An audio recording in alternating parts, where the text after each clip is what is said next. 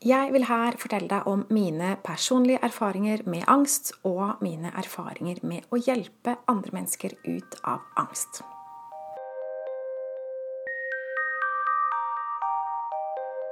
Jeg heter Line Strandvik og jobber online som personlig veileder.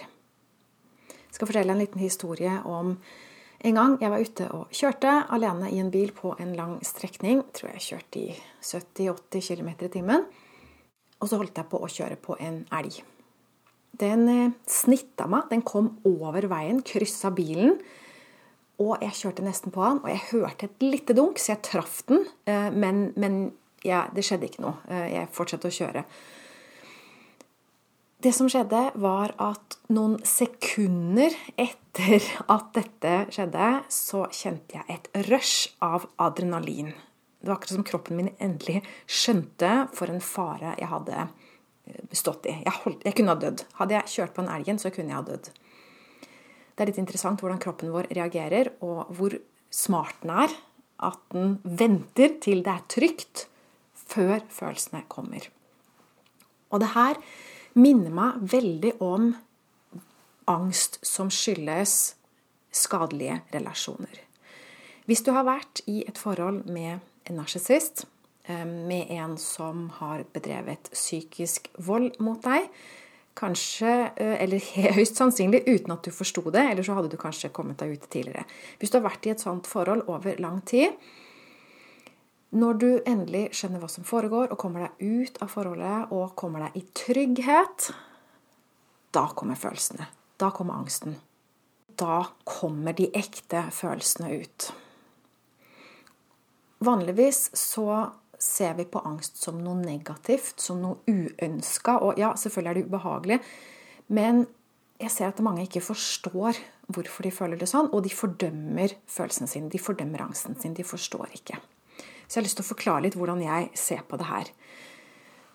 Jeg tenker at hvis man har vært i et sånt forhold lenge, så har man blitt utsatt for skadelig um, kritikk eller ignorering eller nedvurdering. Du har blitt utsatt for skadelig atferd. Se for deg at det er noen som har eh, slått på deg med en hammer, eh, og du begynner å få blåmerker, og det begynner å gjøre vondt. så du har blitt utsatt for skadelig behandling. Men hvis ikke du forstår det, hvis ikke du forstår at det er den andre personen som skader deg, så gjør du ikke noe, og du skjønner ikke at du er i en farlig situasjon. Så du går ikke noen steder, du bare blir i det. Det var noen røde flagg der som du overså. Det dukka opp en sunn frykt, en sunn skepsis, men du overså det fordi du trodde det var du som overreagerte. At det var du som var for negativ. At det var du som var fordømmende overfor den andre ikke var tilgivende nok, ikke var open-minded nok, ikke var kjærlig nok. Så du lurte deg selv, eller kanskje ble lurt, til å ignorere røde flagg, som egentlig var veldig viktig å følge. Du lærte å trosse intuisjonen din. Så det vil si at frykten ble ikke hørt. Den ble bare stua ned. Og hvis du har gjort det over mange år, bare pakka frykten ned i en kasse inn i kroppen, i en sekk, så har jo selvfølgelig denne sekken blitt større og større. Så angst, når den endelig oppstår, så er det egentlig et eh, sunnhetstegn. Det er tegn på at du er på bedringens vei, at du begynner å virkelig kjenne på følelsene. Men det er selvfølgelig ubehagelig, um, og det medfører skam, fordi at du reagerer jo ikke hensiktsmessig i forhold til situasjonen, for du reagerer på noe som skjedde for lenge siden. Den frykten du har, den skyldes ikke det som skjer her og nå. Selv om du kan bli trigga her og nå og oppleve noe som er litt vanskelig, men så har du altså en stor sekk med frykt som bare Du åpner opp for Pandoras eske, og så bare velter alt ut. Og det er liksom Det er akkurat som du akkurat har kjørt på en elg, og du er livredd, men folk vet ikke at du har holdt på å krasje, så de forstår ikke hvorfor du er livredd. Det er ikke alltid folk kan se hva vi har opplevd. Men det er viktig at vi selv anerkjenner følelsene våre og innser at følelser er ikke sykdom. Følelser, Vonde følelser det er en naturlig reaksjon på en unaturlig situasjon, en, ubehagelig, en opp, ubehagelig opplevelse. Så før jeg snakker mer om angst, um, jeg har ikke erfaring med alle typer angst, men jeg har erfaring med angst som skyldes eh, vanskelige relasjoner. Det er veldig vanlig å utvikle posttraumatisk stress. Eh, og det gjorde jeg også etter et vanskelig brudd. Og, og det på tross av at jeg i mange år har eh, erfaring med å ha undervist i yoga og meditasjon de vanlige verktøyene jeg hadde, var ikke kraftige nok til at jeg klarte å håndtere eh, min egen situasjon. Og så er det også mye, mye kaos og mye tanker rundt det også som gjør at man kanskje kunne trengt litt veiledning. Så det fikk jeg. Jeg oppsøkte hjelp, eh, og jeg lærte nye teknikker og lærte å håndtere mine følelser på en ny måte. Det som er viktig å forstå, er at frykten, den var aldri din fiende angsten du føler, det er eh, noe som ikke skal fordømmes. Du skal ikke sette en merkelapp på deg selv og si at eh, angsten er dum. At det, er en sykdom. At, at den er slem, holdt jeg på å si. Du må forstå den, og du må respektere den.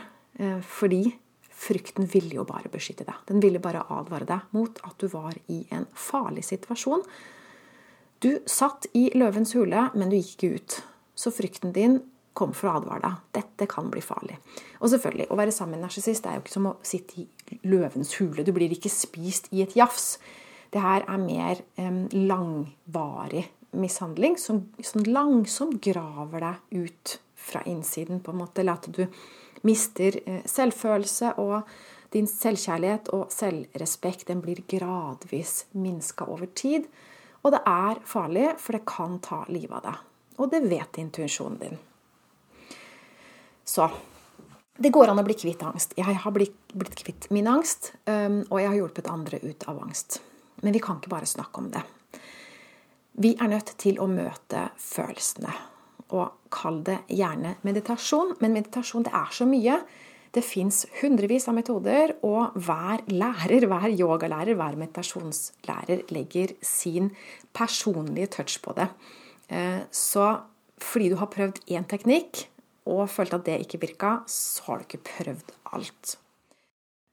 Jeg har mine verktøy, og for å være ærlig så utvikles mine verktøy hele tiden. Så hvis du jobba med meg for fem år siden, så er det høyst sannsynlig noe nytt du møter nå. Fordi jeg lærer, og jeg tilpasser. Når du først skjønner og merker um, og gjør det på riktig måte, du møter følelsene, godtar følelsene, lærer å slippe det ut av kroppen og lærer å um, etablere trygghet. Når du har opplevd det en gang, at det funka, så er det egentlig ikke vanskeligere enn å bare gjøre det gang på gang på gang inntil du er kvitt angsten. Men grunnen til at vi gjerne bruker lengre tid enn nødvendig, det er fordi vi ikke gjør det lenge nok. Vi mister fokus, og så begynner vi å gå tilbake til gamle vaner. Og de gamle vanene det kan være at vi begynner å tenke over det som skapte angsten. Går tilbake i tid og tenker på det som skjedde, og kanskje prøver å analysere det. Eller kanskje vi snakker med noen om det og skal gjerne forklare og alt det her. Så går vi opp i hodet, og da mister vi kontakten med kroppen og med følelsen som ligger i underbevisstheten. Så da stopper vi prosessen. Så for å bli kvitt angsten for godt, så trenger du verktøy som virker, og du må bruke det hver gang det oppstår en ubehagelig følelse, hver gang du kjenner på det, og rense det ut av kroppen fullt og helt hver gang. Hvis du gjør det skikkelig, så tar det ikke lang tid.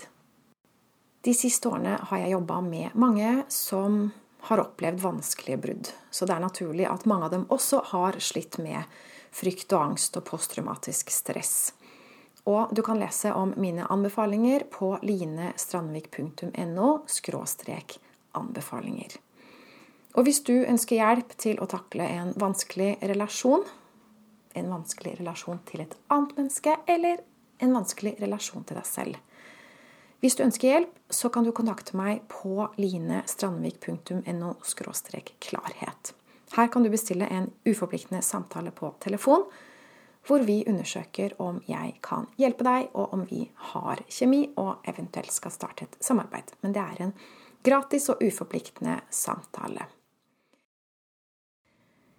Uansett hva du har opplevd i ditt liv, så kan du leve i trygghet. Så hvis du er redd, ikke tro du er redd uten grunn. Du har en god grunn til å være redd. Så mitt forslag er at du finner ut av hva du er redd for, og fjerner faren. Og denne faren den kan ligge inni hodet vårt. Eh, det kan være at vi gjør oss selv redde med at ikke vi har bearbeidet gamle opplevelser på en god måte. Så uansett hva som er greia, det er en logikk bak det. Det er ikke noe galt med det. Hvis du er redd, så er det en grunn til det. Og du kan bli helt, helt, helt trygg. Og det er verdt å gjøre noe med, for det er en veldig god følelse å gjenvinne tryggheten i livet. Takk for at du hørte med. Jeg ønsker deg en fin dag videre. Ha det!